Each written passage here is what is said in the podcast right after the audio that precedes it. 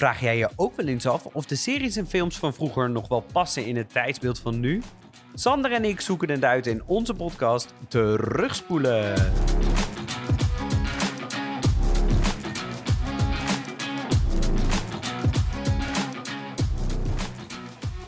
Welkom Sander, wederom aan mijn tafel. Ja, Martin, dank je. Dat zeggen we elke keer. Ja. Maar het is ook vaak zo.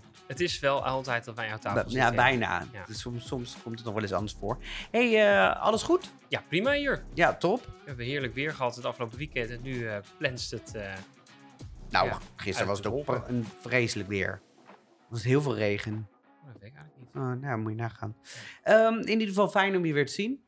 Fijn dat we hier weer zitten met een prachtige film. Ik denk dat we weer pareltjes eh, ga- hebben om te bespreken. Zeker. Ehm, toch lijkt het me goed dat we nog even terugpakken. Want ik heb nog wat dingetjes gevonden van de vorige keren. En eh, ehm, ja, ik kreeg ook te horen van... hey, eh, blijf nou niet te lang in je voorwoord zitten. Want eh, we willen gewoon naar de film. Toen dacht ik, oké, dan gaan we nu gewoon strak op de, de dingen zitten. Dus ik dacht, weet je, dan gaan we het welkomstwoord hou ik even kort. Maar ik wil wel graag nog eh, wat terughalen uit de voorgaande podcast. Mag dat? Van mij wel. Oké, ehm, er zijn namelijk wat ontwikkelingen over twee podcasts die we eerder hebben gedaan. Eentje gaat over Top Gun.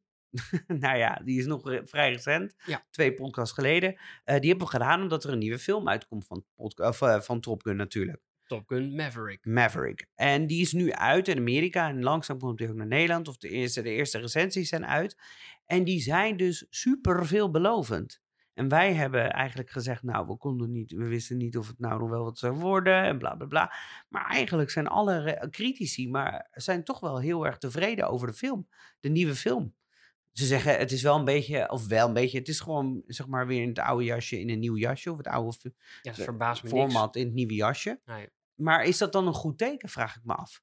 Ja, ik nou, weet ik dus denk niet op zich wel. Dus je zou het kunnen zien als een soort nieuwe editie voor de mensen van nu, eh, van die oude film. En als ze dat in een leuk jasje doen en iets eh, vrouwvriendelijker maken en zo, dan is daar misschien helemaal niet zoveel mis mee.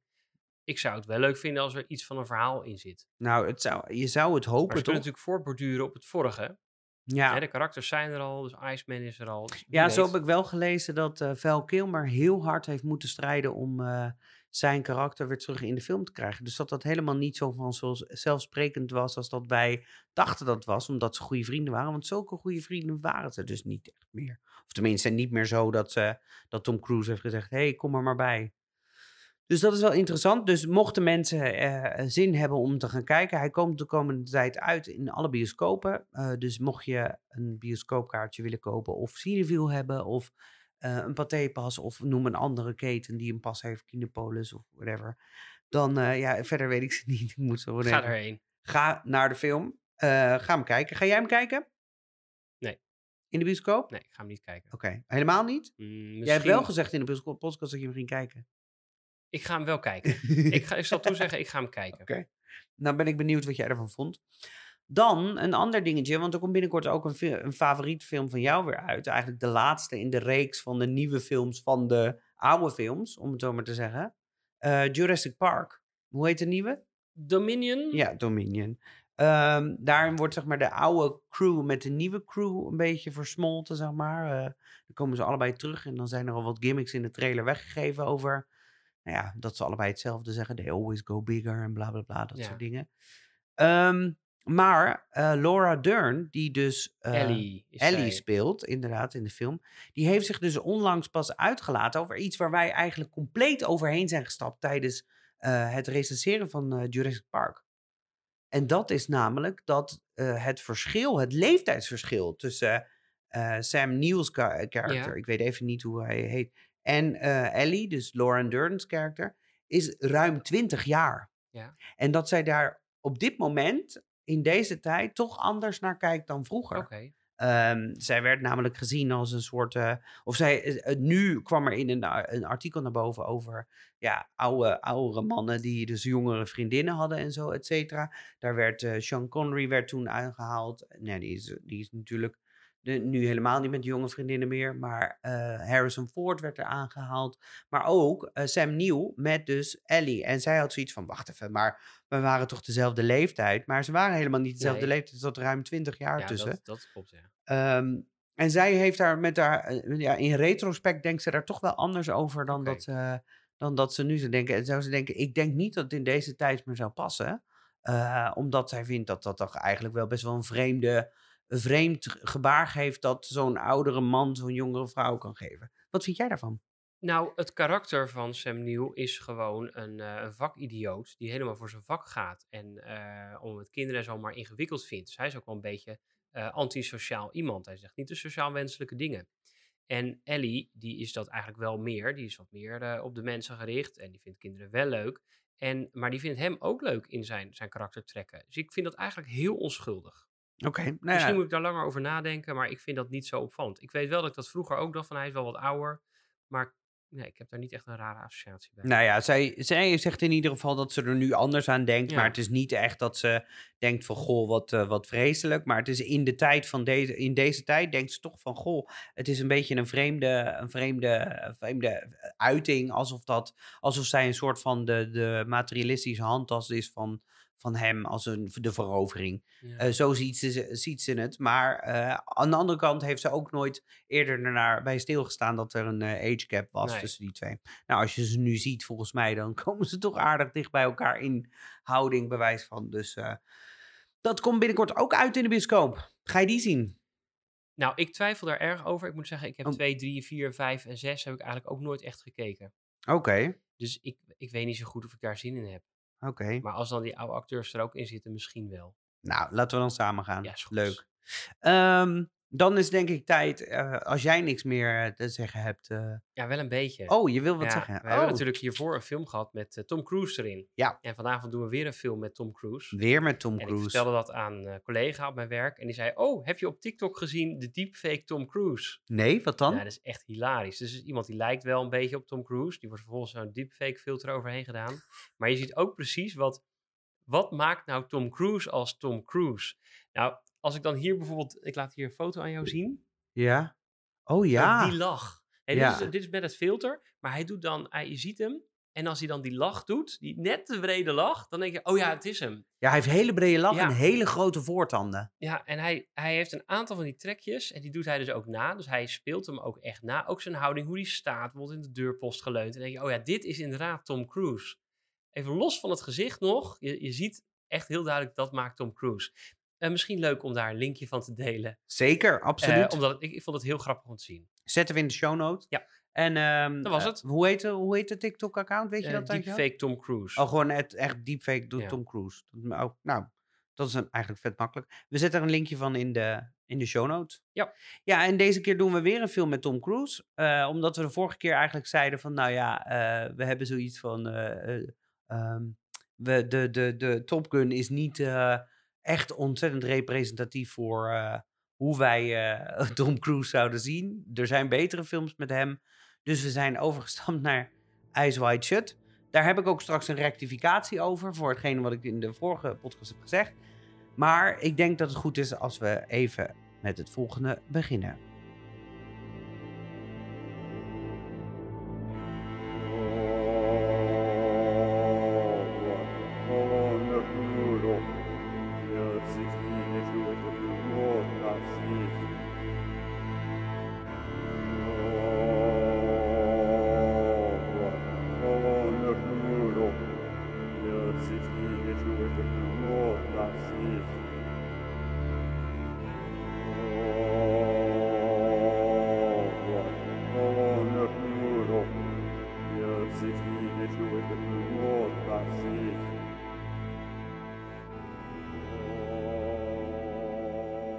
Dit was ehm, Masked Ball van Jocelyn Pook.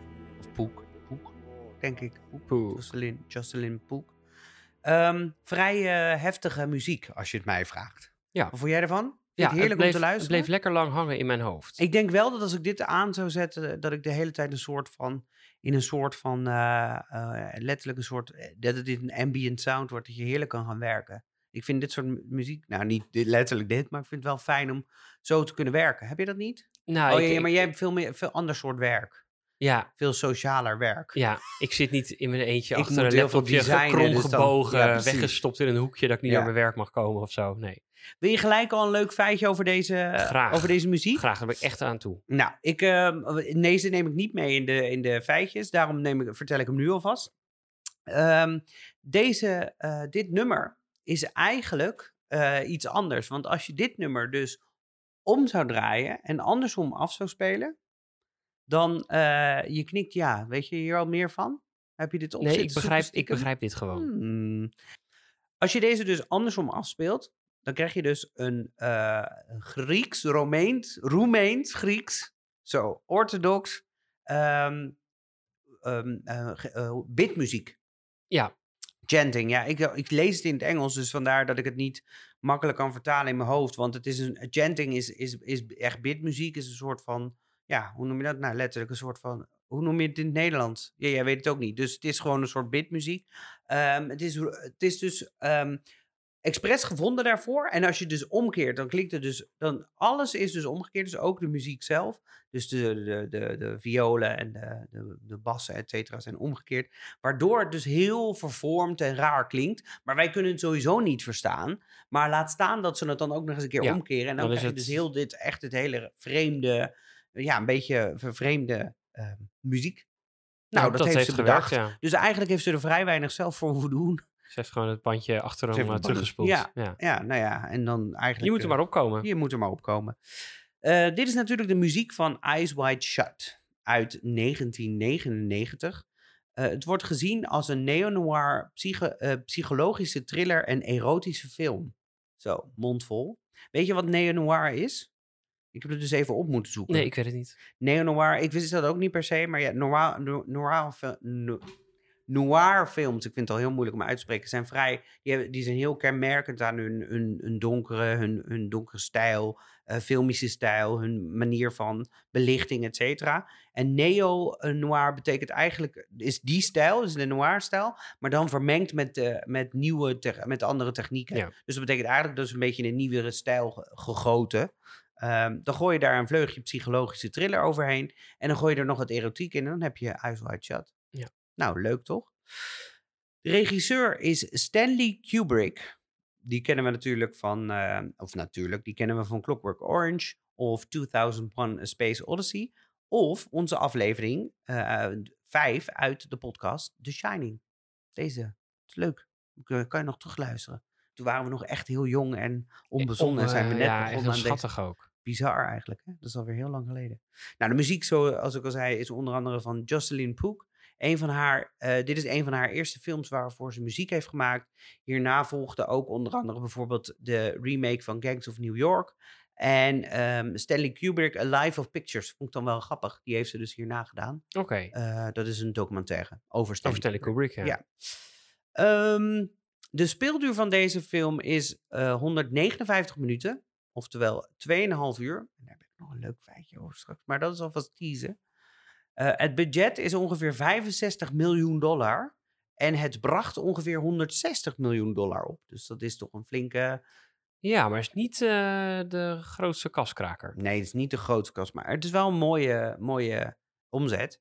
Ehm, prijzen, hij is ongeveer 29, voor 29 films of eh, prijzen genomineerd.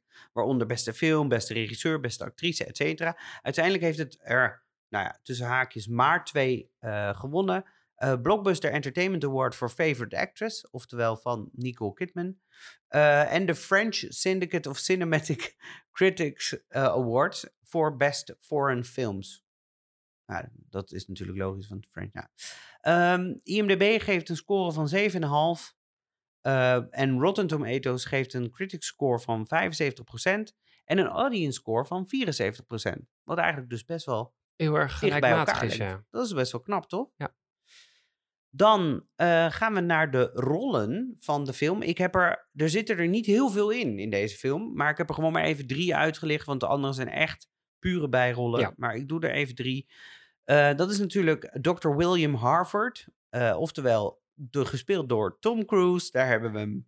Ehm, nou, waar kennen we die van? Dan gaan we dezelfde films opnoemen als de vorige keer. Eh, Mission Impossible, eh, de reboot van de Mummy. eh, Top en natuurlijk Top Gun, waar we de vorige keer over hebben gesproken. Ehm, dan hebben we nu Alice Harvard. en dat wordt, die wordt gespeeld door Nicole Kidman. Nou, die kunnen we natuurlijk heel veel, uit heel veel films kennen. Maar ik denk dat haar bekendste toch wel zijn Moulin Rouge, Far and Away, Dead Calm, eh, The Hours en my favorite is The Others. Ik heb geen van deze films gezien. Echt niet? Nee. The Others is zo goed. Ja, dat is echt een goeie. Vond ik zo'n mooie film dat. Ehm, en dan eh, be- benoem ik nog even Victor Ziegler. Ehm, eh, gespeeld door Sidney Pollack. Die man is eigenlijk meer bekend als een soort... Het is meer een regisseur van allemaal televisieseries en eh, e- episodes daarvan. Maar hij heeft onder andere gastrollen gespeeld in The Sopranos en Will and Grace. Dat? Ja. Nou, dan is het denk ik tijd voor de synopsis.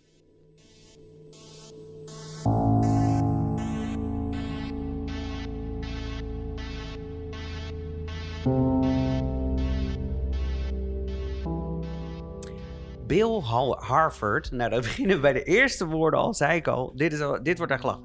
Let op. Iedereen. Let op. Bill Harford, Tom Cruise, is huisarts en wordt met zijn vrouw Alice, Harford dus, die gespeeld wordt door Nicole Kidman, uitgenodigd op een feest van Victor Ziegler, Sidney Pollack. Nou, deze zin, daar moest ik gelijk al aan denken bij eh, Anneke Grunlo. Drie namen in één zin. Doe dan niet. Ehm, in, ieder, geval Victor Ziegler, dat is een bekende van de familie. Hier ontmoeten ze ook nog Nick Nightingale, gespeeld door Todd Field. Ehm, Nick is een oud studiegenoot van Bill en hij is muzikant, de muzikant van de avond. En de twee raken weer aan de praat. Ze spreken af om binnenkort weer eens eens wat te gaan drinken. Nou, terwijl Alice heel innig wordt verleid door een hele charmante man, eh, wordt Bill verleid door twee flirterige dames. Nou, plots wordt Bill gevraagd om, eh, om hulp door Ziegler, die net seks heeft gehad met een sekswerker, Mandy, die een grote dosis drugs heeft genomen. Nou, Bill pept haar weer op en Ziegler is gered van een heel naar mediacircus. De volgende avond liggen Bill en Alice eigenlijk met elkaar in bed en dan eh, roken ze samen een joint. En dan biegt Alice op dat ze over andere mannen fantaseert. In specifiek een marinier die ze ooit ontmoet hebben op vakantie. Bill is zichtbaar ontdaan, maar voordat het gesprek verder gevoerd kan worden, eh, wordt er gebeld door de dochter van een net overleden patiënt. Bill besluit het huis te verlaten en naar het overlijden te gaan kijken. Eenmaal aangekomen bij de dochter. Ja, hij gaat kijken gaat bij de familie kijken natuurlijk. Ja, Eh, eenmaal aangekomen bij de dochter, probeert die dochter eh, hem ook nog eens te versieren. Nou, Bill slaat dit aanbod af en die gaat weer op de weg naar huis. Lopend over straat overdenkt hij eigenlijk wat Alice net allemaal tegen hem heeft verteld en hoe hij ermee om moet gaan. Nou, op straat wordt hij dan verleid door een andere sekswerker ehm, en gaat met haar mee naar huis. Nou, eenmaal op de kamer gaan ze op het bed zitten en plots wordt Bill opgebeld door Alice en hierdoor bedenkt hij zich en denkt hij ik ga toch naar huis. Hij betaalt de sekswerker alsnog en bedankt haar voor de nacht en voor de lieve woorden die ze heeft gezegd. Onderweg naar huis eh, loopt hij langs de jazzclub waar hij ziet dat Nick Nightingale, de man die hij dus de, de avond daarvoor heeft, eh, eh, weer terug heeft gezien. studiegenoot. zijn oud studiegenoot, dat hij daar speelt. En hij besluit dan om toch nog even een tussenstop te maken. Ehm, de twee raken aan de praat en Nick weet hem te vertellen dat hij nog een baan heeft. Eentje waarbij hij geblinddoekt piano moet spelen op een geheime locatie. Nou, het wordt, hij wordt gebeld en krijgt dan de locatie door. Nou, Bill vraagt of hij mee mag en na aandringen geeft Nick dan toch mee en denkt oké, ga dan maar, kom dan maar gezellig. Eh, maar dan moet Bill eerst nog wel even een kostuum regelen. Compleet met een cape en een masker. Nou, nadat eh, Bill zijn kostuum heeft gescoord bij een, op een nogal bizarre locatie, gaat hij naar een geheime locatie waar hij het geen geheime wachtwoord moet indienen en dan wordt hij binnengelaten. Hier treft hij een soort ritueel aan waarbij vrouwen zich uitkleden en mannen lekker staan te kijken. Ehm, Bill loopt wat rond eh, totdat hij door een gemaskerde vrouw wordt verleid. In plaats van dat deze gezellig een potje gaat vleeselijk mensen erg genieten, eh, waarschuwt ze hem om weg te gaan. Eh, hij is namelijk in groot gevaar. Bill gelooft hier niet zo in, totdat hij gesommeerd wordt om voor, een grote groep, voor de grote groep aanwezigen zijn masker af te zetten. Ehm, hij zal bestraft worden omdat hij eigenlijk niet hoort bij, de, bij het genootschap. Maar dan plots de gemaskerde vrouw belooft de straf op zich te nemen en Bill is hierdoor gevrijwaard en wordt weggestuurd. Met een waarschuwing om nooit aan iemand te vertellen wat er die avond is gebeurd. Bill is helemaal confuus. Hij ontdekt dat de sekswerker die in de kamer bij Ziegler, eh, die die heeft opgeknapt, eh, plotseling is overleden aan een overdosis. Dat zijn vriend Nick is ontvoerd door twee hele grote mannen. Eh, en hij wordt ook nog eens een keer gewaarschuwd door het geheime genootschap dat hij echt moet stoppen met uitzoeken wat er nou precies daar is gebeurd.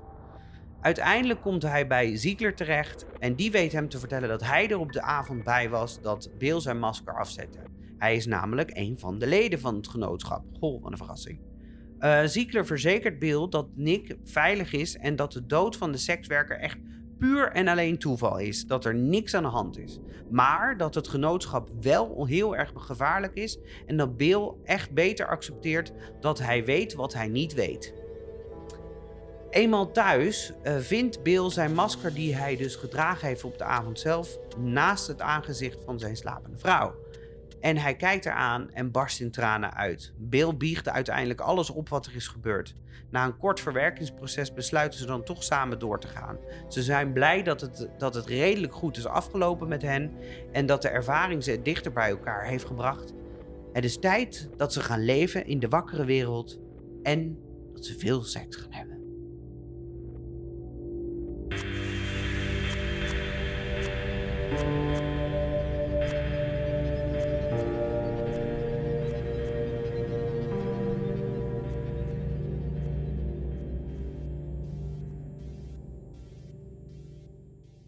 Martin, wat een knijtergoede synopsis. Dankjewel. Het was stond in mijn uh... script. Oh, staat dat in je ja, script? Inderdaad. Oké. Okay. Sander geeft hier een compliment. ja. Nou, hier bij deze.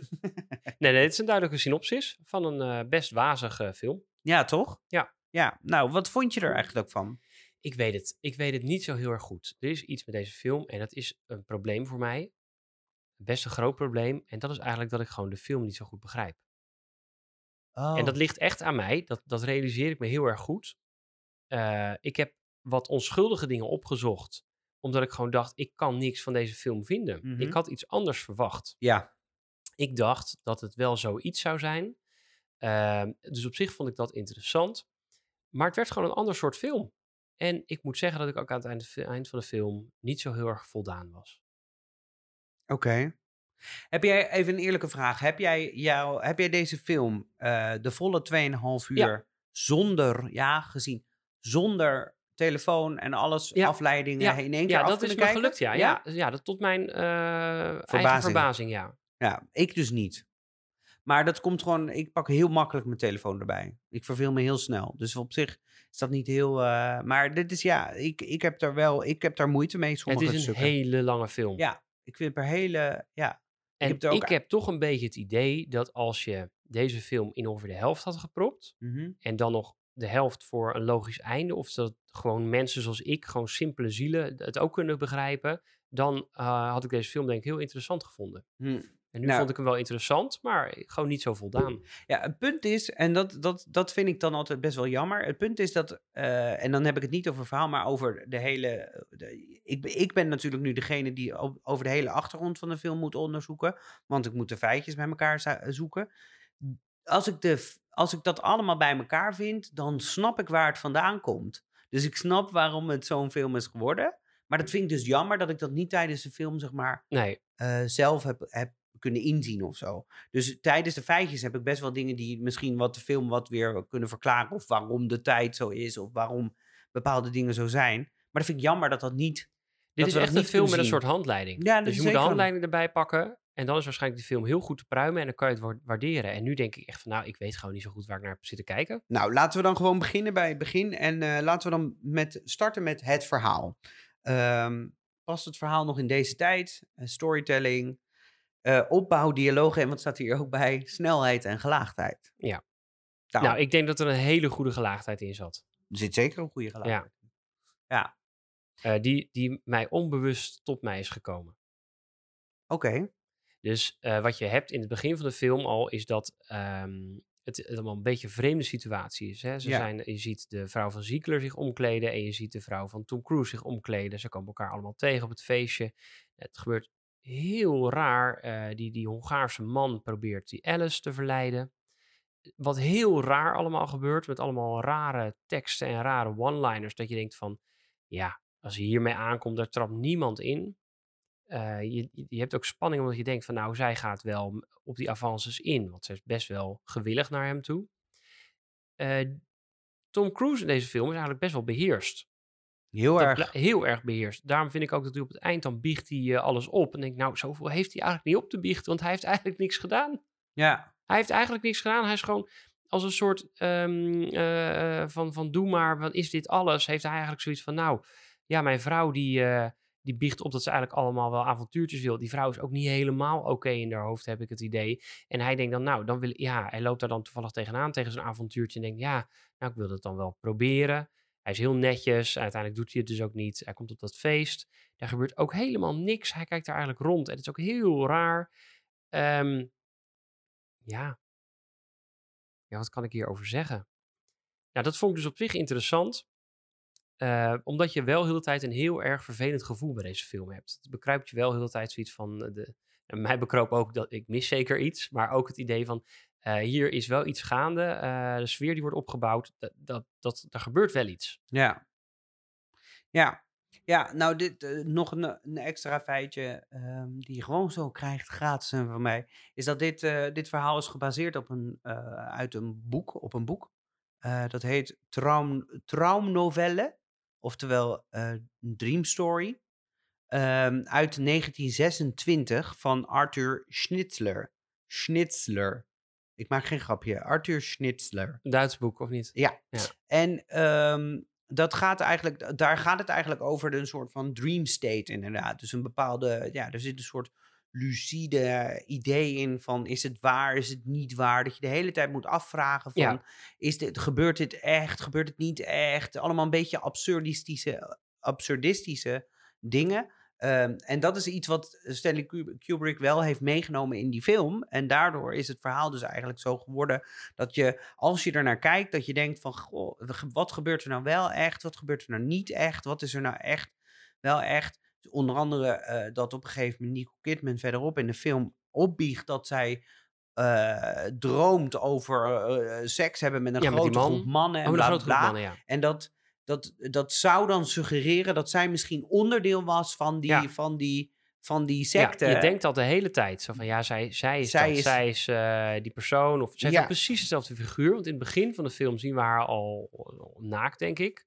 En op dat feest zie je ook allemaal van die vrouwen met allemaal precies hetzelfde eh, vorm lijf. Ja, ja, en, nou ja, en dat is, eh, ik vind het best wel interessant dat dat allemaal zo, dat die gelaagdheid erin zit. Ik moet zeggen, ik, eh, er zitten een paar, een paar dingen in die ik ook inderdaad, nou, laat ik het zo zeggen, die ik, ehm, er zitten, vooral de scène die mij het meest, die mij het meest Stanley Kubrick, waar ik het meest Stanley Kubrick in terugvond, was die scène dat hij die, eh, dat pak gaat halen, die cloak Ja, gaat halen in, ja. die, in, die, in dat, in dat kostuumwinkel, kostuumwinkel, in de hoppenzak. wat totaal, zeg maar, eigenlijk geen, geen ehm, doel heeft verder voor de, voor de, de film, zeg maar. Dus hij gaat naar een Rainbow Fashion, dan gaat hij de cape halen.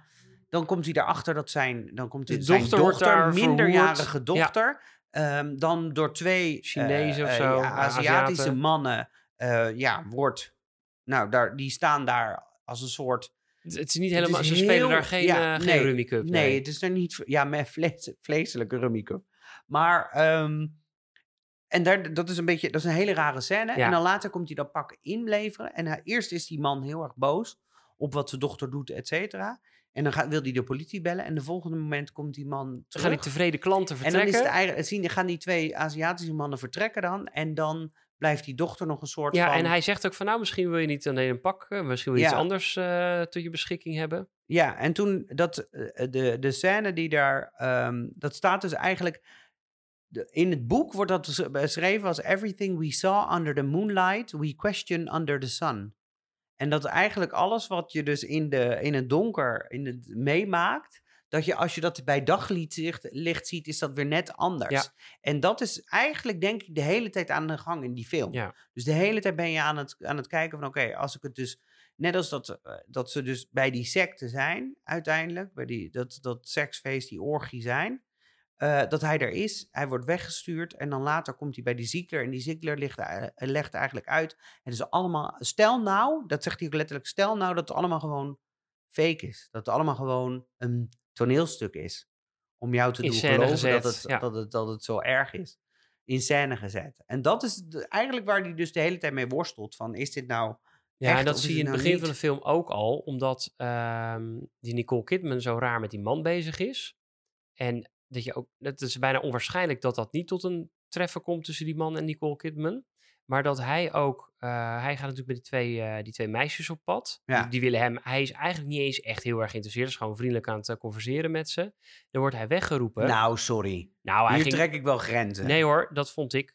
Ja, dat Ik- vond jij. Ja. Ja, toevallig. Ja, tuurlijk, hij vond de aandacht leuk, maar hij, ik denk niet dat hij van plan was om iets met ze te gaan doen. Ja, ik denk dat zij, dat zij wilde dat overdreven wel.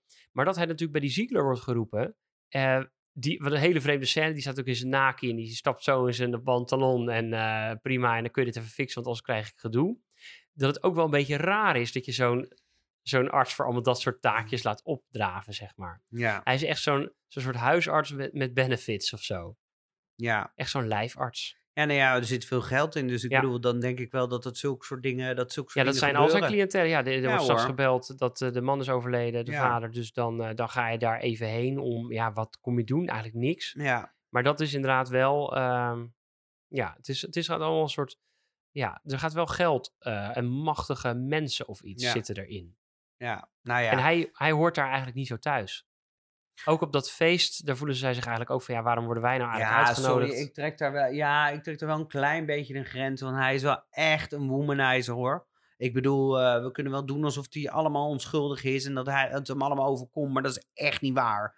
Want hij loopt gewoon met die vrouwen ook weg. Hij wordt net zo hard, vindt hij het heerlijk om versierd te worden. Hij loopt uiteindelijk, gaat hij nog met die, gaat hij met die huisgenoot van die, van die eerste Ja. sekswerker, gaat hij daar nog een beetje mee zitten chance en hopen dat er iets gebeurt. Hij gaat het bij die sekswerker zelf proberen. Die, die, die dochter van die, eh, die Rainbow Fashion hangt nog om zijn nek heen. Helemaal zit hij nog helemaal van te genieten. Ja, maar is En, dat hij- door... en op het seksfeest zelf zit hij nog een soort van: ga je met me mee?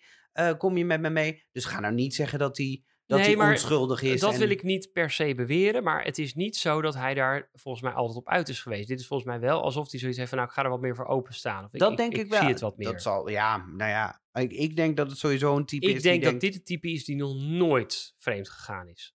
Hmm, nou. Oké, in ieder geval voor. eh, als we nog even bij het verhaal blijven. eh, ik vind de dialogen vind ik wel heel mooi. Het, dat er tijd voor wordt genomen. Dat je dus ook die echt die opbouw wel hebt. Ik vind het alleen. Je merkt dat ik niet meer gewend ben om naar zulke lange dialogen of zulke lange scènes te kijken. Want als het me te lang, als het te gaat rekken, dan. Als ik nu al een YouTube-filmpje van vier minuten moet zien, word ik al ongeduldig na twee minuten. Laat staan dat ik dus zo'n scène van zoveel minuten zie. Ja, nou, dat ik, vind ik wel om de een of andere reden bleef me dat toch boeien. Mijn vrouw die kwam halverwege de film binnen. Eh, die wilde naar bed gaan, maar die was laat thuis. Was ook, het werd steeds later, want die film duurde gewoon heel lang. En die heeft hem ook helemaal afgekeken met mij. Omdat het toch wel heel erg fascineerde. Ja, het- er zit iets mystieks Ja. in. Dat geloof ik Dus we wel. hebben allebei zonder onze telefoon ademloos naar de film zitten kijken. Nou ja, wat voor cij- cijfer zou je het geven? Ja, ik begrijp het gewoon niet. Dus ik kan er geen cijfer aan verbinden. Ik kan wel zeggen van nou, voor mezelf, omdat ik het niet begrijp, zou ik het een 4 geven. Maar ik denk dat ik dan de film misschien te niet doe. Nou ja, dan, ik doe dan maar alsof ik het begrijp. Want ik denk dat ik Oké, wel ik doe ook eh, alsof ik het begrijp. Ik, eh, ik wil het een 5 geven. Nou, nee, ik vond het wel spannend en zo. Ik vond het op zich wel spannend. Ik vond het wel interessant. Ik wil het wel een 7 geven. En voor mij is het een 8. Ik Oké. vind het heel spannend, heel, heel goed. Op zich een goed verhaal tussen man en vrouw. Daarom vind ik het ook wel knap dat het gewoon zijn twee hoofdrollen. Daar draait het de hele tijd om. Ja. Eh, smoelwerk. Maar het gaat meer over hem dan over haar. Ja, gaat het ook is, eh, eventjes. de bijrol. Het smoelwerk. Nou, ik eh, kan daar veel dingen over zeggen. Maar dat noir gebeuren, dat, dat zie je er wel aan terug. Eh, ik vond het wel interessant om te kijken. En eh, er zat zelfs een mobiele telefoon in. Dus op het moment dat het heel onhandig was dat hij bereikbaar was, was hij zelfs hij bereikbaar. Toen dacht ik, nou, dat vind ik dan wel realistisch. Dat zijn vrouw belt te zeggen, waar ben je? Want het is al heel laat. Kom je nog naar huis? Dat maakte trouwens ook voor mij dat ik dacht, nee, zij is niet op dat feest. Want zij is gewoon thuis bij die dochter. Ja. En zij belt hem. Anders dan zegt ze, joh, ik ben er niet. Dus Ja. wacht, eh, ga, maar- blijf, blijf maar zo lang bij de overleden man eh, als je maar wil. Dus toen dacht ik van, nee, dat, dat was voor mij het teken dat zij niet op dat feest was. Ja. Ehm, ik vond het ook allemaal wel spannend in beeld gebracht eigenlijk. Het is ook heel spannend in Eh, beeld. gebracht. Erg geanimeerd. Dus ik wil daar wel een, ehm, Mag ik al een cijfer geven? Of wil jij Je mag al een cijfer geven. Ik wil ook nog wel Nou, wat vertel eens wat. Misschien eh, pas ik me wel aan. Nou, ik vind smoelwerk is voor ons, eh, voor dit, dit keer vind ik het het minst interessante thema. Want ik vind het eigenlijk best nog wel prachtig om te zien hoe het past. Ik bedoel, je kan het echt nog wel in deze tijd brengen. Als we Ja. echt kijken van je pakt het op en je zet het nu neer. Ja, je zou, sommige dingen zou je wat verbeteren. eh, weet je wel, net even ietsjes esthetischer, ietsjes mooier maken. Maar het draait hier niet om CGI of wat, wat, Nee. wat dan ook. We hebben niet he- heftige televisiescènes of dingen die, we, ja, die gewoon verouderd zijn. Dus ehm, dat vind ik wel het mooie aan deze film. Dat je hem dus eigenlijk best nog wel kan zien. Die maskers zijn natuurlijk nog heel actueel en dat soort dingen. Ja. Ehm, dus ja, ik, maar wel hele enge maskers, hè? Zo allemaal bij elkaar. Altijd je denkt van wat een verwrongen gezichten. En eh, ja, dat heeft Ku- Ku- Kubrick heeft er dus alle tijd voor genomen om die film, eh, om die eh, maskers bij elkaar te zoeken. Om ze bij de juiste acteurs ook te plaatsen. oké. Dus hij heeft er alles aan gedaan om dat voor elkaar te krijgen. Per stuk. Dus per acteur. Ja. Dus weer een feitje die je gratis krijgt. Nou, je maar je wist er hem al maar- volgens mij. Ah, Nee, ik nee, dat het wist ik er- niet. Elke keer zie je denk ik een soort van teken van herkenning. eh. Nee, maar te- te hebben. ehm, je hebt het idee dat sommige van die personen met zo'n masker, dat sommige gewoon belangrijker zijn dan anderen. Je hebt bijvoorbeeld mij Dat is het, trouwens het eh, enige wat ik niet begrepen heb. Ik kwam even dwars door je heen, sorry. Dat is, nu ik eraan denk, dat is het enige wat ik niet begrepen heb. Hoe heeft die vrouw hem herkend met een masker op? Ik kan het me even niet meer herinneren. Ik bedenk het Niet, nu zij echt. zegt gewoon van, hé, hey, jij hoort hier niet. Nee, je hoort het niet. Hoe dan? Hebben ze allemaal een standaard masker op? Hij, hij doet namelijk niks, hij doet ook niet Nee. mee of wat dan ook. Nee, dus Ziet is, het dan eh, in de ogen? Dat kan niet, want de, eh, eh, de- degene die moet zijn uiteindelijk, maar dus je die ziet Mandy, wel, is het is unconscious of is het buiten ja, bewustzijn. die dus die kan niet in zijn ogen hebben Nee, gekeken. nee, Dus, en ook niet de stem. Dus nee. het En dit is dus meer, denk ik, zijn gevoel van, ik hoor hier niet, wat overstraalt Precies. ander of zo. En dat, zou, dus, dat is dus weer zo'n dubbele laag Ja. van, van is dit dan Ja. wel echt of En wat niet je ziet is dat al die maskers hem heel erg aankijken. Ja. Er is er eentje die, die knikt hem een soort van toe. Zo Zo, van, toe eh, van, het is nou, goed. ja, hè, dat is een soort, een soort apenmasker of zo, Ja. volgens mij. Nee, zo'n eh, pestmasker, Nee, dacht dat, ik. dat, nee, het is met zo'n kortere snuit. Voor Oh. mij is dat van de, van de aap. Oké, eh, of misschien de beer. Voor mij is het een aap. maar Eh, maar je hebt ook van die maskers dat je denkt, ja, als je die opzet, dan ben je echt de laagste hier in de hele club. Met zo'n heel verwrongen soort heksengezicht of zo. Dat, je, dat is niet zo chic, volgens mij. Nou, ik vind, dit, ik vind maskers altijd best wel interessant. Net Ja. als bij, eh, weet je, die maskers van de, de dooddoeners in Harry Potter. Dat is ook prachtig Ja. om te zien. Vervelende mensen, maar het is wel prachtig om te zien Ja. hoe ze een masker hebben. Eh, het smoelwerk geeft dus ook wel een 8. Nou, daar wil ik wel mee gaan eigenlijk. Ik wil dat ook wel een 8 geven. Eh, inclusiviteit. Ja. Mag jij even raden? Komt hij door de Bechdel-test heen, denk jij? En de Bechdel-test is drie vragen. Namelijk één, zit er, een vrouw, zitten er twee vrouwen in met een naam? Twee, is het, eh, praten die vrouwen tegen elkaar? En drie, is het iets over iets anders dan een man? Drie vragen. Komen ze door elkaar? Komen ze door, komt die Volgens door mij de test? praten die vrouwen niet met elkaar. Volgens mij, eh, want je hebt natuurlijk Mandy, die, die, de, die overlijdt uiteindelijk, of die gaat dood. En je hebt eh, Alicia, dus de vrouw van, eh, van Tom Cruise, Nicole Kidman. Volgens mij praten die niet met elkaar. Volgens mij komen sowieso al die vrouwen niet in contact met elkaar. Je kijkt mij heel... Ja, de film komt dus wel door de test heen. En dan denk ik, hoe dan? Want ik heb dat ook even gemist. En dan is het, en dan vind ik, dat vind ik dan echt, dat is dan een, dat is dan een default of een defect van, het, van Ja. de test. Maar oké, het komt er dus doorheen. Ehm Nicole Kidman praat tegen de babysitter over hoe laat ze thuis zijn.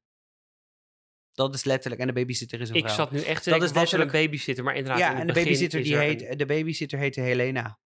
Ja, En die werd genoemd ook als Ja. Helena. Dus ze hadden naam, ze hadden naam twee vrouwen praten met elkaar over iets anders dan een man. Ja, dit vind ik kiele kiele, want de rest gaat natuurlijk ja totaal en deze over... Helena komt verder ook niet Nee. terug. en Speelt eigenlijk geen maar rol. officieel komt het er doorheen, maar ik, ik vind het een kiele kiele iets.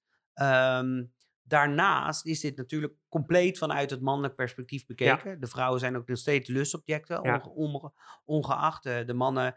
Er zijn volgens mij in, de, in die hele orgie-scène zijn er denk ik vier mannen die eh, ehm, nou ja, een soort van naakt te zien zijn. Eh, trouwens, ik heb nog nooit in mijn leven zulke lelijke seksscènes gezien. Maar zwaar. Ik bedoel, ik wil hier nog wel in meegaan. Maar ik denk echt bij mezelf, dit had beter gekund. Maar zwaar. De seksscènes. De dus de seksscènes. Nou, weet je wat Ja, gewoon ik is? weet niet hoe jij staat. Nou, ik wil het ook niet weten. Maar als je dat... de, de, de seksscènes tegen een kast of over een bureau, die zo... Er werd, er, er werd daar zo overdreven gemimiekt dat Ja. er seks werd gedaan, maar dan zonder Ik dat heb ook ook het maar... idee dat die cultmembers of wat ze ook zijn, dat die zelf niet meedoen. Dat die meer gewoon daar zijn of zo. De en dat er acteurs ingehuurd zijn die dan in poses gaan staan, zoals we dat op plaatjes wel eens Nee, maar het gezien. gaat me niet om wie Nee. waar, maar het gaat me om letterlijk om gewoon in beeld gebracht Ja. van die mensen hebben seks. Kubrick heeft ervoor gekozen om ze letterlijk, ze zijn letterlijk tegen elkaar aan en Ja. dan bewegen ze met elkaar. Ja. In plaats van dat je ziet dat de een en de ander ook letterlijk iets aandoet, bij wijze van spreken. Maar het is, heel, het is een hele rare vorm van seks hebben. Dat ik denk, nee, dit is alleen maar de suggestie van seks hebben, maar het is het niet. Nee, Dus ehm, ja, qua inclusiviteit, maar dat is even niks inclusiviteit. Ehm, wat ik dus zo jammer vind, is dat, eh, of jammer, dit, als je deze naar deze film zou, of deze tijd zou trekken, eh, sowieso is het een hele witte film, hè? Dus laten we Ja. vooropstellen, er is eh, geen zwart persoon te zien. Ik nee heb hij niet is spier, spier, is, alles is spierwit. Misschien dat die krantenverkoper die, die niet Ja. in beeld is, dat die Ja, dan nog... nee, maar het gaat, dan gaat het mij om, om, om vooral ook de prominente Ja. scènes. Spierwit, dus dat is vreselijk. Maar ehm, Nou, je kan natuurlijk zeggen dat deze mensen zich in de hogere kringen afspelen af, af, eh, spelen in een bepaalde tijd. En dat gewoon die rijke mensen daar, dat het natuurlijk gewoon een selecter gezelschap is. Die zitten Ja. natuurlijk wel een bubbel met elkaar. Ja, nou, ik geloof daar niet zo in. Ik geloof dat, ja, nou, het kan. Maar ik, alsnog, ik zou dat in deze tijd nooit zo meer neerzetten, bij wijze van. Dat ten eerste. En ten tweede, toevallig was er van de week, een, eh, la- las ik ergens een artikel over, ehm, of een, over een nieuw boek wat uit is over de seksualiteit van vrouwen. Eh, en dat vrouwen nog steeds geen seksualiteit mogen hebben. Dus, dus als mannen se- seksualiteit hebben, dat, die worden ja, seksueel neergezet. En dat wordt gezien als, oké, die hebben seks. Dat zijn seksbommen, hormonen, et cetera. Ja? Vrouwen worden nog steeds gezien als, de, als, als het object waar baby's mee gemaakt worden. Dus zeg maar meer de broedmachines, om het zo maar te zeggen. Die hebben nooit een seksualiteit van zichzelf. Dus als zij heel gauw over seks praten, wordt dat heel gauw gezien als sletterig gedrag. ja, of, ter dienste van ja, de man. precies. ja. Of ter Oh, dienste van de man. Maar zij hebben nooit zelf plezier. Dat, is, dat, is, dat komt eigenlijk in dat, eh, in, in dat boek terug.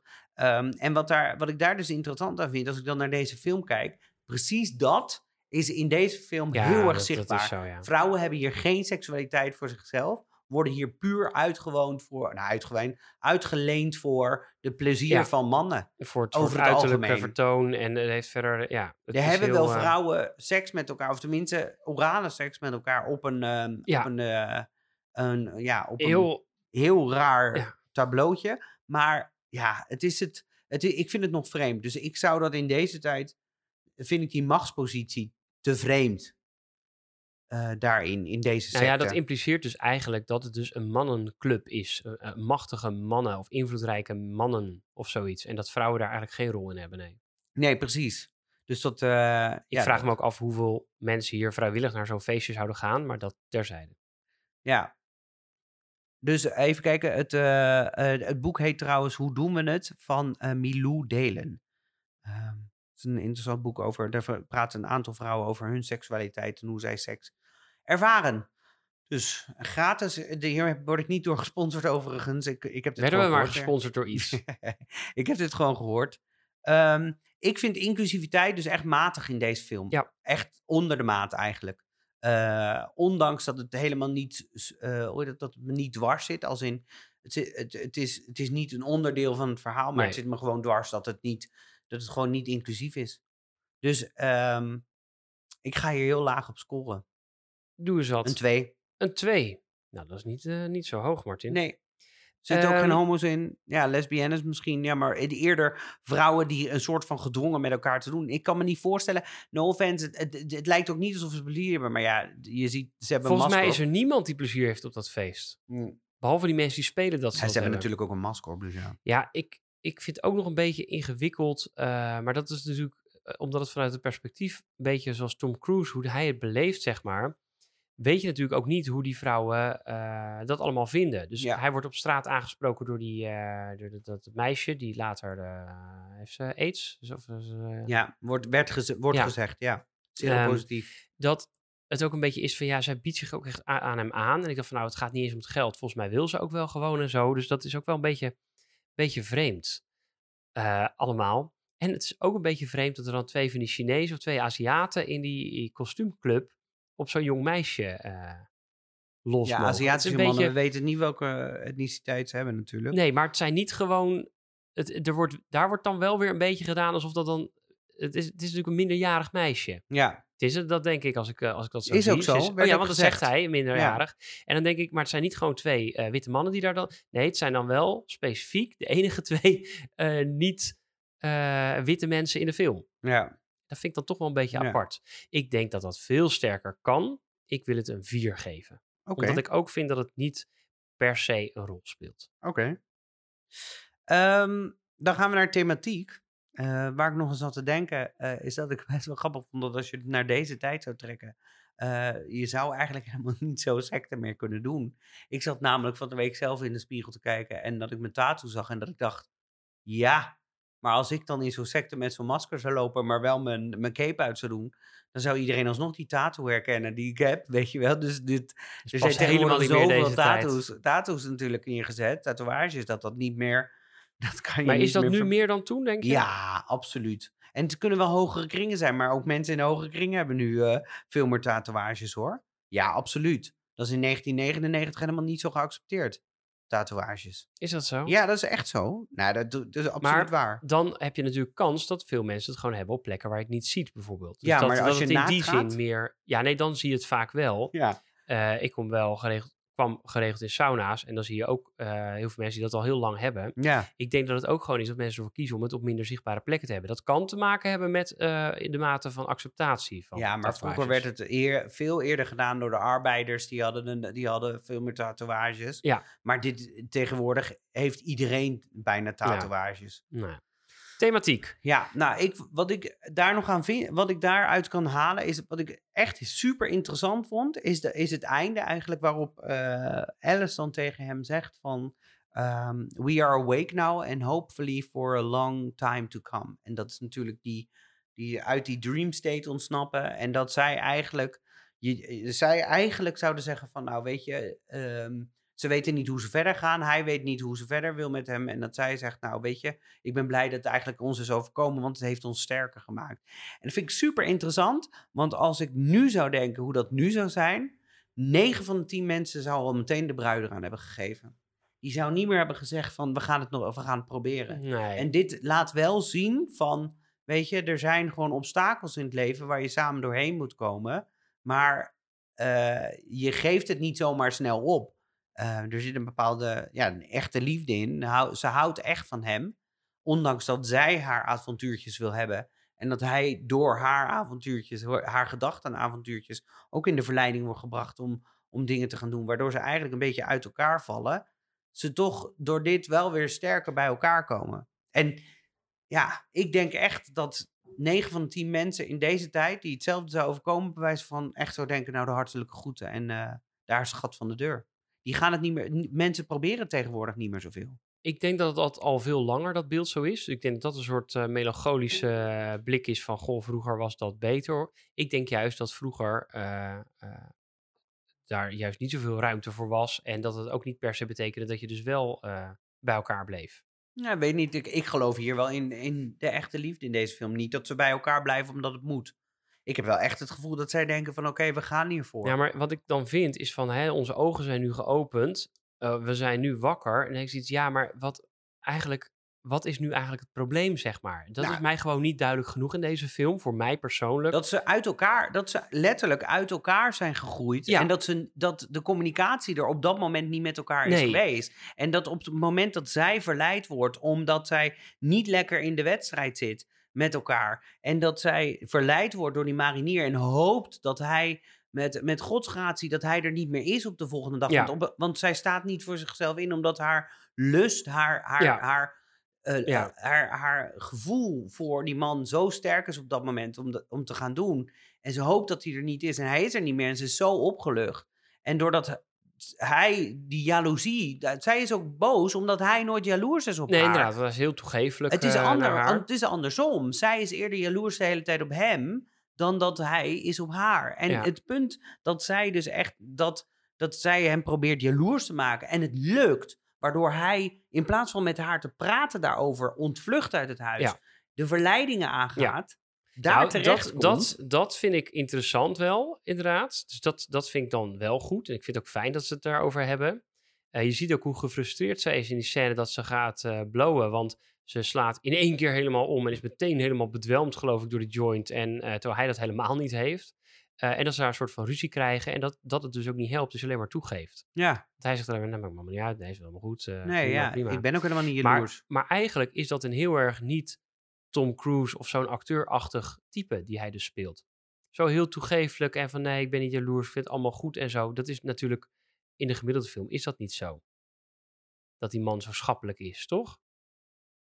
Ehm, nou, dat weet, ik, dat weet ik nog zo net niet. Hij is de man met de status. Hij is de man met de, met de carrière. Ja, dus hij wordt dokter Harvard, Harvard. Harvard ook genoemd. En zij is Alice. Ja. Zij is letterlijk Alice. Zij, zij heeft een mislukte, eh, mislukte hoe heet dat? Een eh, mislukte, ehm, hoe noem je dat? Alle, eh, atelier. Ja, ja, Heeft ze gehad. Ja, En, en heeft nu niks meer om handen. Ze, ze zit dus thuis is, eh, met, met haar dochter. in. En een beetje te- te- Homeschooling ja, te doen. homeschooling. Terwijl hij elke dag de, de mooiste patiënten voorbij ziet komen. En daar is zij jaloers op. En het feit dat hij niet jaloers is op haar, maakt haar gek. En dat snap ik wel. Ik snap dat heel goed.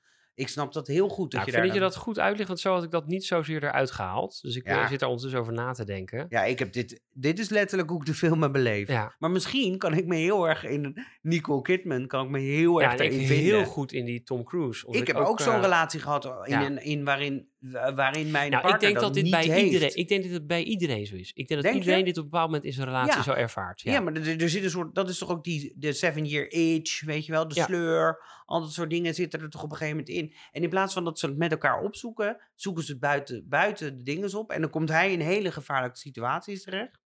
En uiteindelijk komen ze toch weer bij elkaar. En dat vind, ja, ik vind dat dan toch, in, waar in deze tijd, dat je heel snel hoort van, ze zijn uit elkaar gedreven en we geven het ook op vind ik dit dan toch nog een mooi thema dat je denkt, oh, weet je wel, er is ook nog zoiets als, je wil het proberen Ja, het is een extreem heftige film eigenlijk, een heleboel dingen.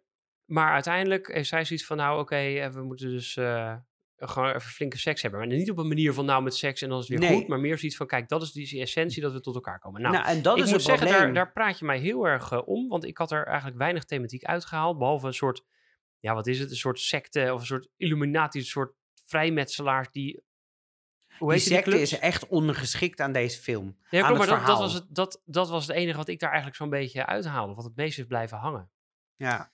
Ehm, en dat heeft er eigenlijk niks mee te maken. Behalve dat ik me ook... Weet je, dat is natuurlijk een beetje zoals met de tempeliers, zeg maar. Dat je altijd zoiets hebt van... Ja, is er eigenlijk stiekem een hele Ik dacht, stiekem groepering die de Ja. wereld beheerst? ik dacht eerlijk gezegd dat er, dat, ik dacht eerlijk gezegd dat de film, toen, ik heb deze film natuurlijk nooit gezien, ik dacht dat de film zou gaan vooral over, oké, ze, ze hebben, geen, ze hebben geen, eh, ze hebben geen fijne relatie meer samen, ze gaan samen het nieuwe, Ja, nieuwe spannende dat dacht ontdekken. ik, ja. dacht echt, het is een soort van, oké, we gaan nu een soort van En dan eh, kies- en dan ga je brave dingen doen- wasteland gaan we in en dan kijken we wat er, wat er allemaal gebeurt. Ik had dus helemaal niet, ik wist niet dat zij er überhaupt nooit is geweest en dat het allemaal zijn, zijn ding is geweest. En dat die secte maar een heel klein onderdeel is van waar de film eigenlijk over Ja, gaat. want die film, het is een beetje zoals Fight Club, daar hebben we het eigenlijk niet over. Nee. Eigenlijk ehm, Nee. heeft, dat, heeft die film niks het te gaat echt betekenen. over hun Ja. twee en over die relatie. En zij hebben ook, hij, hij mengt zich daar ook niet in. Hij wordt eruit, maar zij hebben ook duidelijk zoiets van, joh, dit is echt iets waar je niet thuis hoort. Je hoeft ook niet. Oké, de podcast wordt al Ja, veel te lang door klopt. deze dingen. Ehm, dan wil ik nog wel gaan voor een eh, ruime. Ja, ik twijfel een beetje. Wat ga jij geven? Ik ga een 7 geven. Ik neigde nu naar een 8, maar ik ga ook voor een 7. Ja, ik vind het wel, ik blijf, het blijft wel een, een thema natuurlijk gewoon. Kijk, er zit niet Nee, een hoog moraal. Ja, er zit wel moraal in, maar niet zo duidelijk. nee. Oké, nou.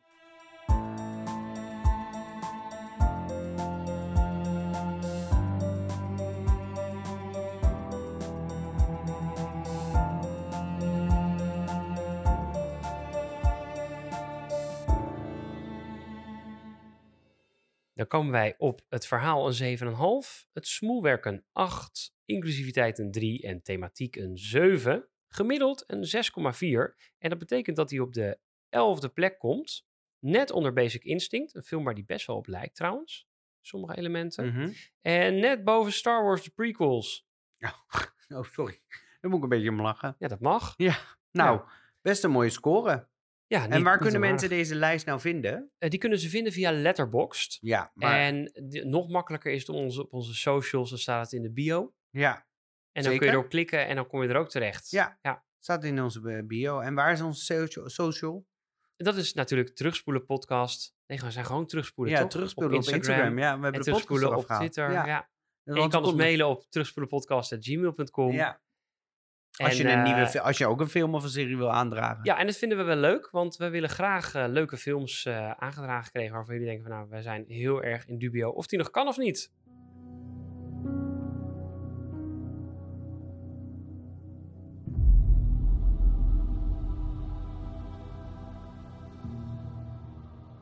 Nou, dan zijn we nu... We zijn al best wel ver in de podcast. Dus ik ga iets sneller door de feitjes heen. Maar ik wil natuurlijk niet deze prachtige film te niet doen. Eh, dus ehm, ik ga er toch even doorheen. Ben je er klaar voor, Sander? Ja. Oké, daar komen ze. Ehm, de film eh, heeft een record eh, dat in de Guinness Book of Records is opgenomen voor de ehm, film met de meest of de langst aaneenschakelende opnamedagen. Of in het Engels is het de longest co- constant movie shoot. Ehm, deze staat namelijk op nummer 1 met 400 dagen. Even ter referentie, de eh, Lord of the Rings eh, is opgenomen met volgens mij de Fellowship of the Ring, dus nummer 1. Want 2 en 3 zijn aan elkaar opgenomen. Eh, nummer 1 is met 274 dagen staat hij erin. Oké. Dus dit is wel echt met, met uitstek de langste lopende film. Of de langstlopende opname, op, Ja. opname in de film. Ehm, Stanley Kubrick is een enorme perfectionist. Eh, en die is in 1996 al begonnen met het eh, project.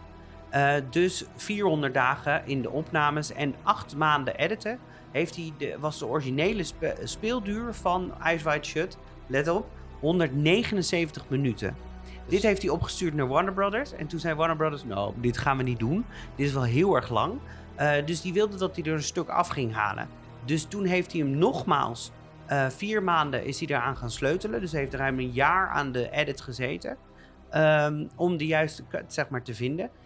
Eh, even ter vergelijking, wat is nou 179 minuten? Eh, de laatste Avengers movie, Endgame, die staat nu in de boeken als de langste Avengers game, of ehm, film. Die is 181 minuten uit 2019. En daar waren de critics toen de tijd al over van, dit is wel heel erg lang. Ehm, dus die waren er al niet over te spreken over de duur. Dus misschien was het een goede keuze. Ja.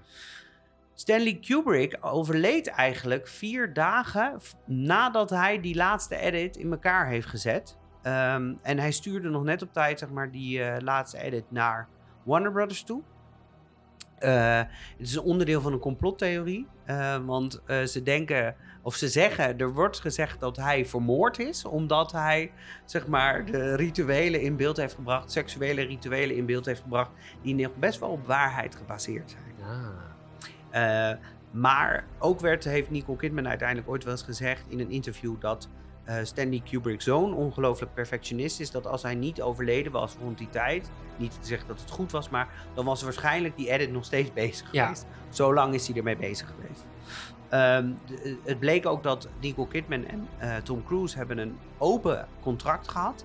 Een open contract om een, zeg maar, dat betekent dat je dus niet een vaste tijd hebt waarin je de film wordt opgenomen. En een open contract betekent dus ook dat je dus gewoon eh, opgeroepen kan worden wanneer je wanneer die denkt van nou ik heb nog extra scènes Vandaag nodig. doen we even nog... En dan eh, moet, je, dan moet je dus komen. Hierdoor eh, werden dus films als Practical Magic en Mission Impossible 2 uitgesteld. Omdat die volgden dus daarop. Maar omdat het vier, 400 dagen duurde met opnemen, ja, duurden die films, liepen die films uit. Dan mag ik hopen dat hij meer salaris heeft gekregen dan bij Top Gun. Nou, hij heeft er zweren aan overgehouden. Ehm, ja, maagzweren, geen grap. Of vanwege de stress. Eh, Tom Cruise en Nicole Kidman sliepen ook in een slaapkamer die eh, naar het karakter zogenaamd is gemaakt. Ze moesten apart slapen van elkaar. Eh, en Kubrick heeft gevraagd om, aan ieder gevraagd om een kamer in te richten naar hoe het karakter van hun zal doen. En daar moesten ze ook in slapen. Tot aan de kleur van de gordijnen aan toe. Maar aparte slaapkamers. aparte slaapkamers. En ze sliepen in, eh, even kijken, ze sliepen in eh, Engeland. Want dat werd op een gegeven moment aangegeven door een andere acteur. Die zei, die al eerder met Kubrick heeft samengewerkt. Die zegt, dit kan nog wel heel lang duren. Dus beter ga je gewoon in Engeland wonen. Want daar werd het opgenomen. Want eh, anders, eh, dat heeft gewoon anders geen zin. Dus daar zijn ze gaan wonen.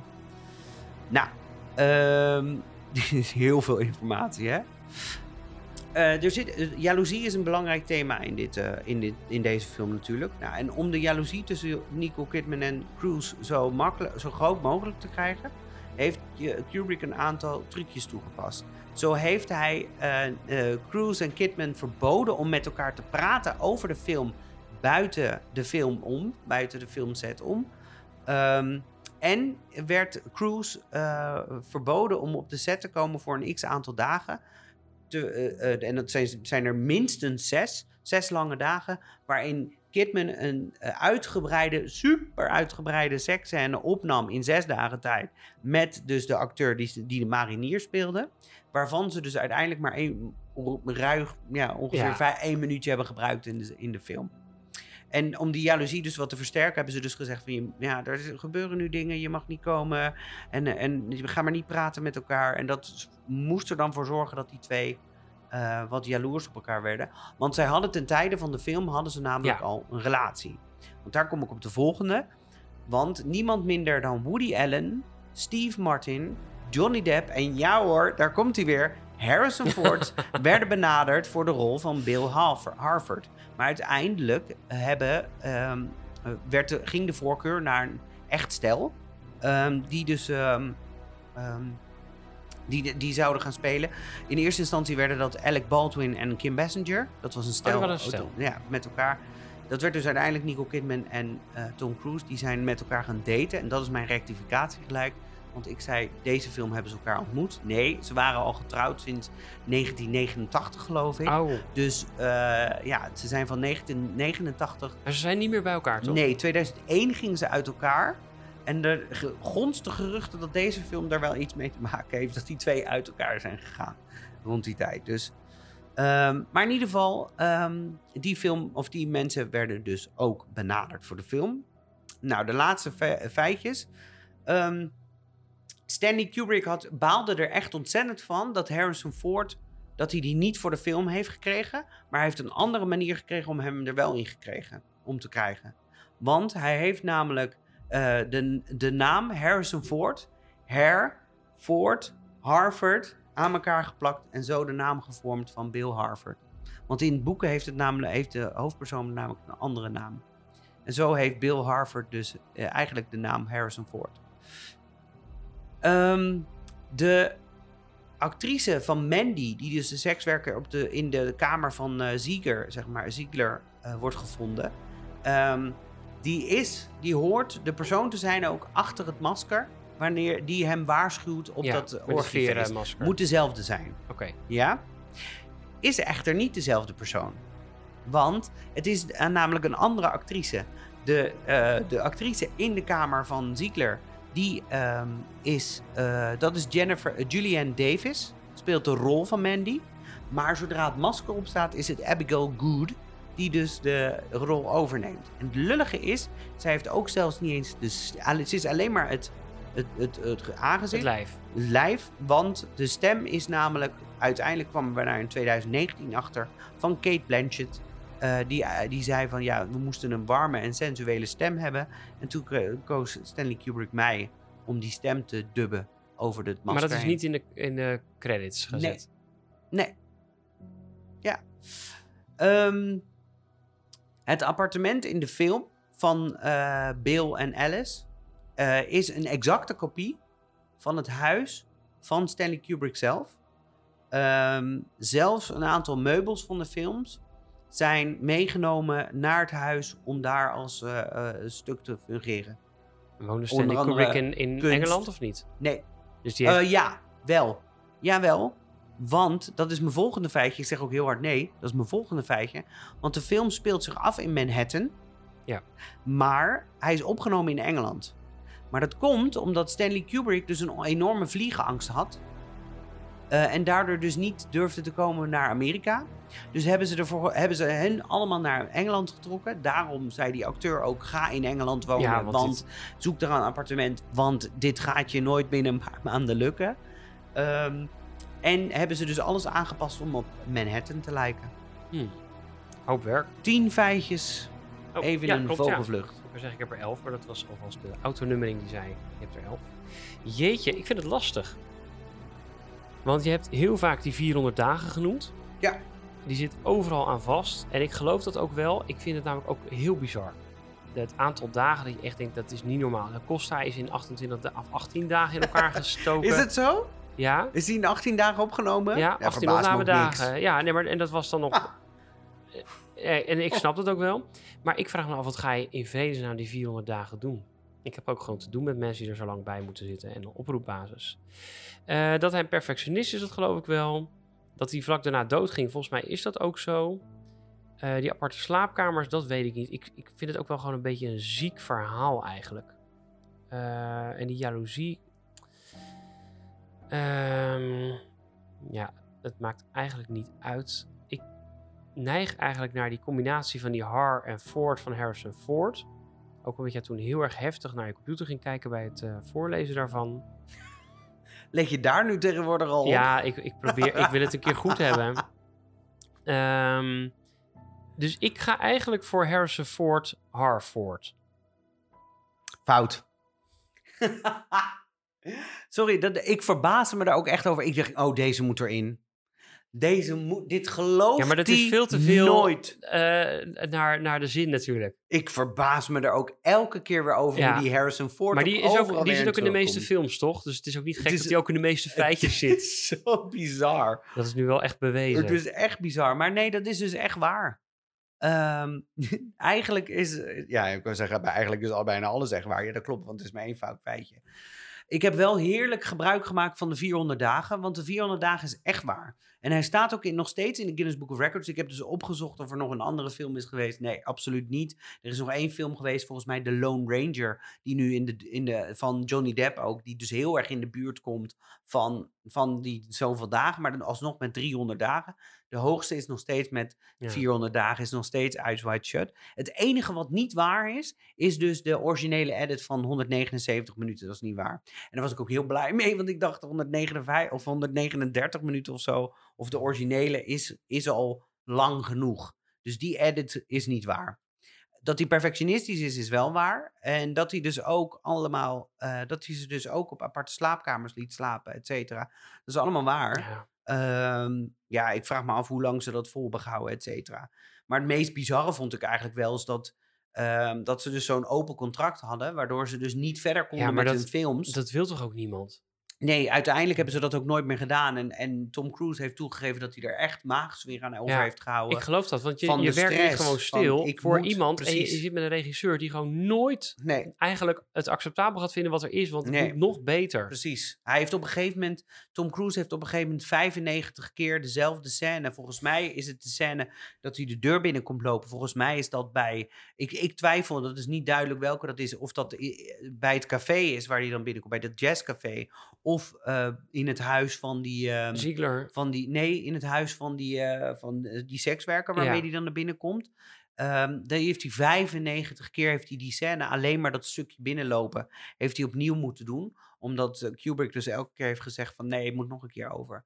Toen zei die Kubrick, keek me aan en die zei, stick with me, ik maak je een grote ster. Dat zei hij de hele tijd. Dus zo hield hij hem een beetje aan het lijntje. Maar dat ook, hè, want, want Tom Cruise had natuurlijk Top Gun al gedaan. Die had Ja. Mission Impossible 1 ook al gedaan. En ook nog zat andere films. Dus hij had het helemaal niet nodig om Hij een nog niet. grotere Nee, ster te worden. En ik denk in. dat hij door deze film ook niet een grotere ster geworden is. Nee, het staat er ook in dat, het niet, eh, dat hij dit niet hoefde te doen, maar dat hij het heel graag wilde Ja, doen. Maar dat ik hij denk dat hij het wilde wel, eh, omdat hij dan met Kubrick werkte. En dat hij dan kan zeggen, ik heb in een Kubrick film gezeten. Ja, klopt. Ja, dat is inderdaad zo. Er zijn zelfs door die 400 dagen, dat heb ik niet eens genoemd, er zijn zelfs doordat het 400 dagen heeft geduurd, zijn er een aantal rollen zijn opnieuw Ja, gekast moeten worden, omdat die mensen echt door vanwege eh, restricties gewoon, Ja. gewoon niet meer konden. Waren wel bijrollen. Dus die vrouw bijvoorbeeld, die, eh, die, die weduwe, weduwe Eh, Ja, die weduwe, die dochter. die dochter, wie de daar werd een nieuwe actrice voor Ja. gevonden. En voor Victor Ziegler werd een nieuwe acteur, gevonden. Werd in eer- eerste instantie gespeeld door een andere acteur. En dan moet je die scènes nog een keer doen. Dan moet je ze nog een keer gaan doen, ja. Stel je maar- voor dat die sekswerker was gestopt, dat hij 95 keer ja. die scène had gedaan van ja, ze heeft een ander contract, dus zij is nu wel weg. Ja. Zij, is- zij is bij, de, bij Harrods gaan werken en Ja. nu eh, moet je het nog een keer opnemen. Ja, dus eigenlijk kunnen we wel stellen dat het best wel een eh, excentrieke, Ja. vet excentrieke regisseur is geweest. De grootste reden, de, kijk, behalve het complottheorie dat ze hem vermoord zouden hebben, is eigenlijk, eh, werd een ander ding werd gezegd dat hij eh, eigenlijk ingestort is door ehm, de moeheid en dat hij daardoor een hartstilstand heeft gehad. Zou me heel weinig Eh, verbazen. Zo, ja, zal me heel weinig verbazen als dat zo is. Jammer. ehm Eyes Wide Shut, mooie film. eh, mooie score, denk ik. Eh, en mooie Ga dat feitjes. zien. Ga dat zien. Gaat dat zien? Waar kunnen ze hem zien? Ze kunnen hem vinden ehm, op HBO Max. Juist. Ja, dat was mijn eerste HBO Max film. Ja, Heb jij zin om volgende keer een andere film te kijken? ik heb zeker zin om een andere Zou film- jij nog een keer een film op HBO Max durven kijken? Ja, Weet je wat er heel slecht is op HBO Max? Dat wil ik wel even zeggen. De ondertiteling is vreselijk georganiseerd in HBO Is dat Max. zo? Dat is heel lelijk. lelijker dan... Heb je de ondertiteling aangehad? Weet ik niet. Ja. Je kon niks aan de ondertiteling, aan de instellingen veranderen. Het waren net Oh. te kleine letters, net allemaal lelijk uitgelijnd en zo. Het zag er Oh. echt niet uit. Lelijker dan Videoland? Ja, Oh. Dat weet ik niet, want ik heb geen Videoland. Ehm, nou, de, de film die heb ik speciaal uitgezocht omdat er een musical van is. Nou, ik hou van musicals. Jij ook, hè? Ja, soms. Oké. Hij eh, eh, is onder andere geschreven door deze film door iemand die heeft meegeschreven aan Star Wars, aan The Empire Strikes Back en aan Return of the Jedi. Of course. Dat is echt een echt feitje. Er zit een acteur in die eh, mijn soort, ja, soort Val Kilmer, maar dan een andere variant. Hij speelt namelijk bijvoorbeeld in Waterworld en in eh Robin Eh, Kevin Costner. Oh ja. En hij doet dat met het acteerdebuut van Whitney Houston. Dus gaan wij volgende keer voor jullie de film The Bodyguard terugspoelen.